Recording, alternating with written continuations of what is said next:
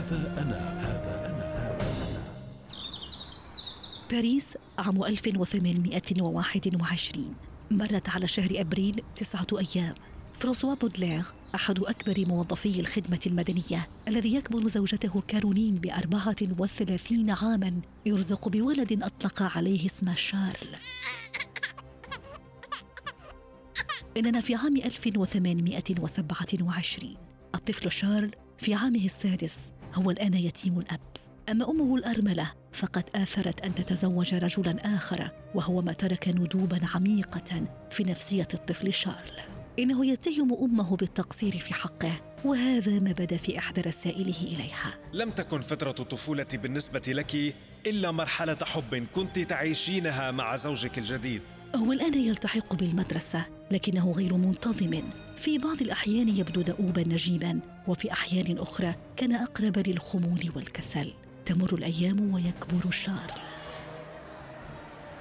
عام 1839 تحصل شارل على شهادة الليسانس في القانون لكنه همس في أذن أخيه بأن لا رغبة ولا موهبة لديه في أي شيء. عام 1857 شارل يصدر ديوان أزهار الشر وهو الديوان الذي أعلن عن ميلاد شاعر أسس لمذهب جديد في الأدب الفرنسي إنه الشاعر شارل بودلير لقد كان شعره متقدما عن شعر زمانه بل إنه لم يفهم إلا من قبل قلة قليلة. لقد أثار ديوانه أزهار الشر جدلا كبيرا بين النقاد بل عرضه للمحاكمة والغرامة المالية بتهمة الإخلال بالآداب العامة واستخدام كلمات ورموز جديدة على الشعر الفرنسي. فيما يرى نقاد آخرون أن بودلير ومن خلال ديوانه هذا حرك المياه الراكدة في بحور الشعر في أوروبا عامة وفي فرنسا بصفة خاصة. يستمر بودلير في كتابة روائعه ومن أبرزها اليوميات وسأم باريس والفراديس المصطنعة. لقد تعمق بودلير في أعمال إدغار ألين بو وهو شاعر أمريكي تأثر بالحركة الرومانسية الأدبية. لقد وجد في أعماله ما يشبه تفكيره. قواسم مشتركة بينهما بدءا من معاناة كل منهما مع الحزن وصولا لرؤيتهما لمفهوم الخطيئة ورفضهما للأرستقراطية.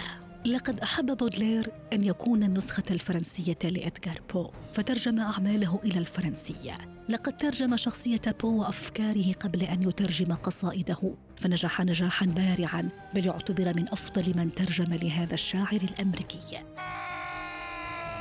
عام 1859 لم يكن موفقا لبودلير الذي لم يكمل عقده الرابع. ضغوطات الحياة تنهكه والديون تثقل كاهله وتفقده شبابه شيئا فشيئا. إنه يعود لحضن أمه ليعيش معها فترة من الزمن قبل أن تتكالب عليه الصعوبات المالية من جديد.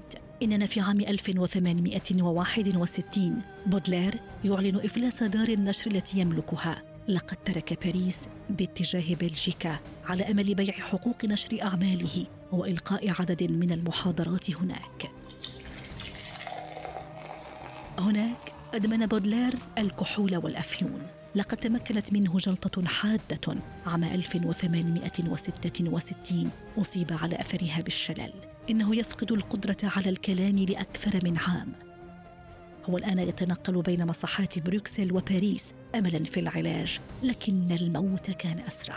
46 سنة هي عمر بودلير الذي توفي في صيف 1867 لكن أعماله لم تمت. لقد نشر الكثير منها بعد وفاته وبعائداتها دفعت والدته ديونه المتعثرة وهو ما أشعرها ببعض الراحة بعد تقصيرها معه في طفولته ولحقت به بعد أربع سنوات.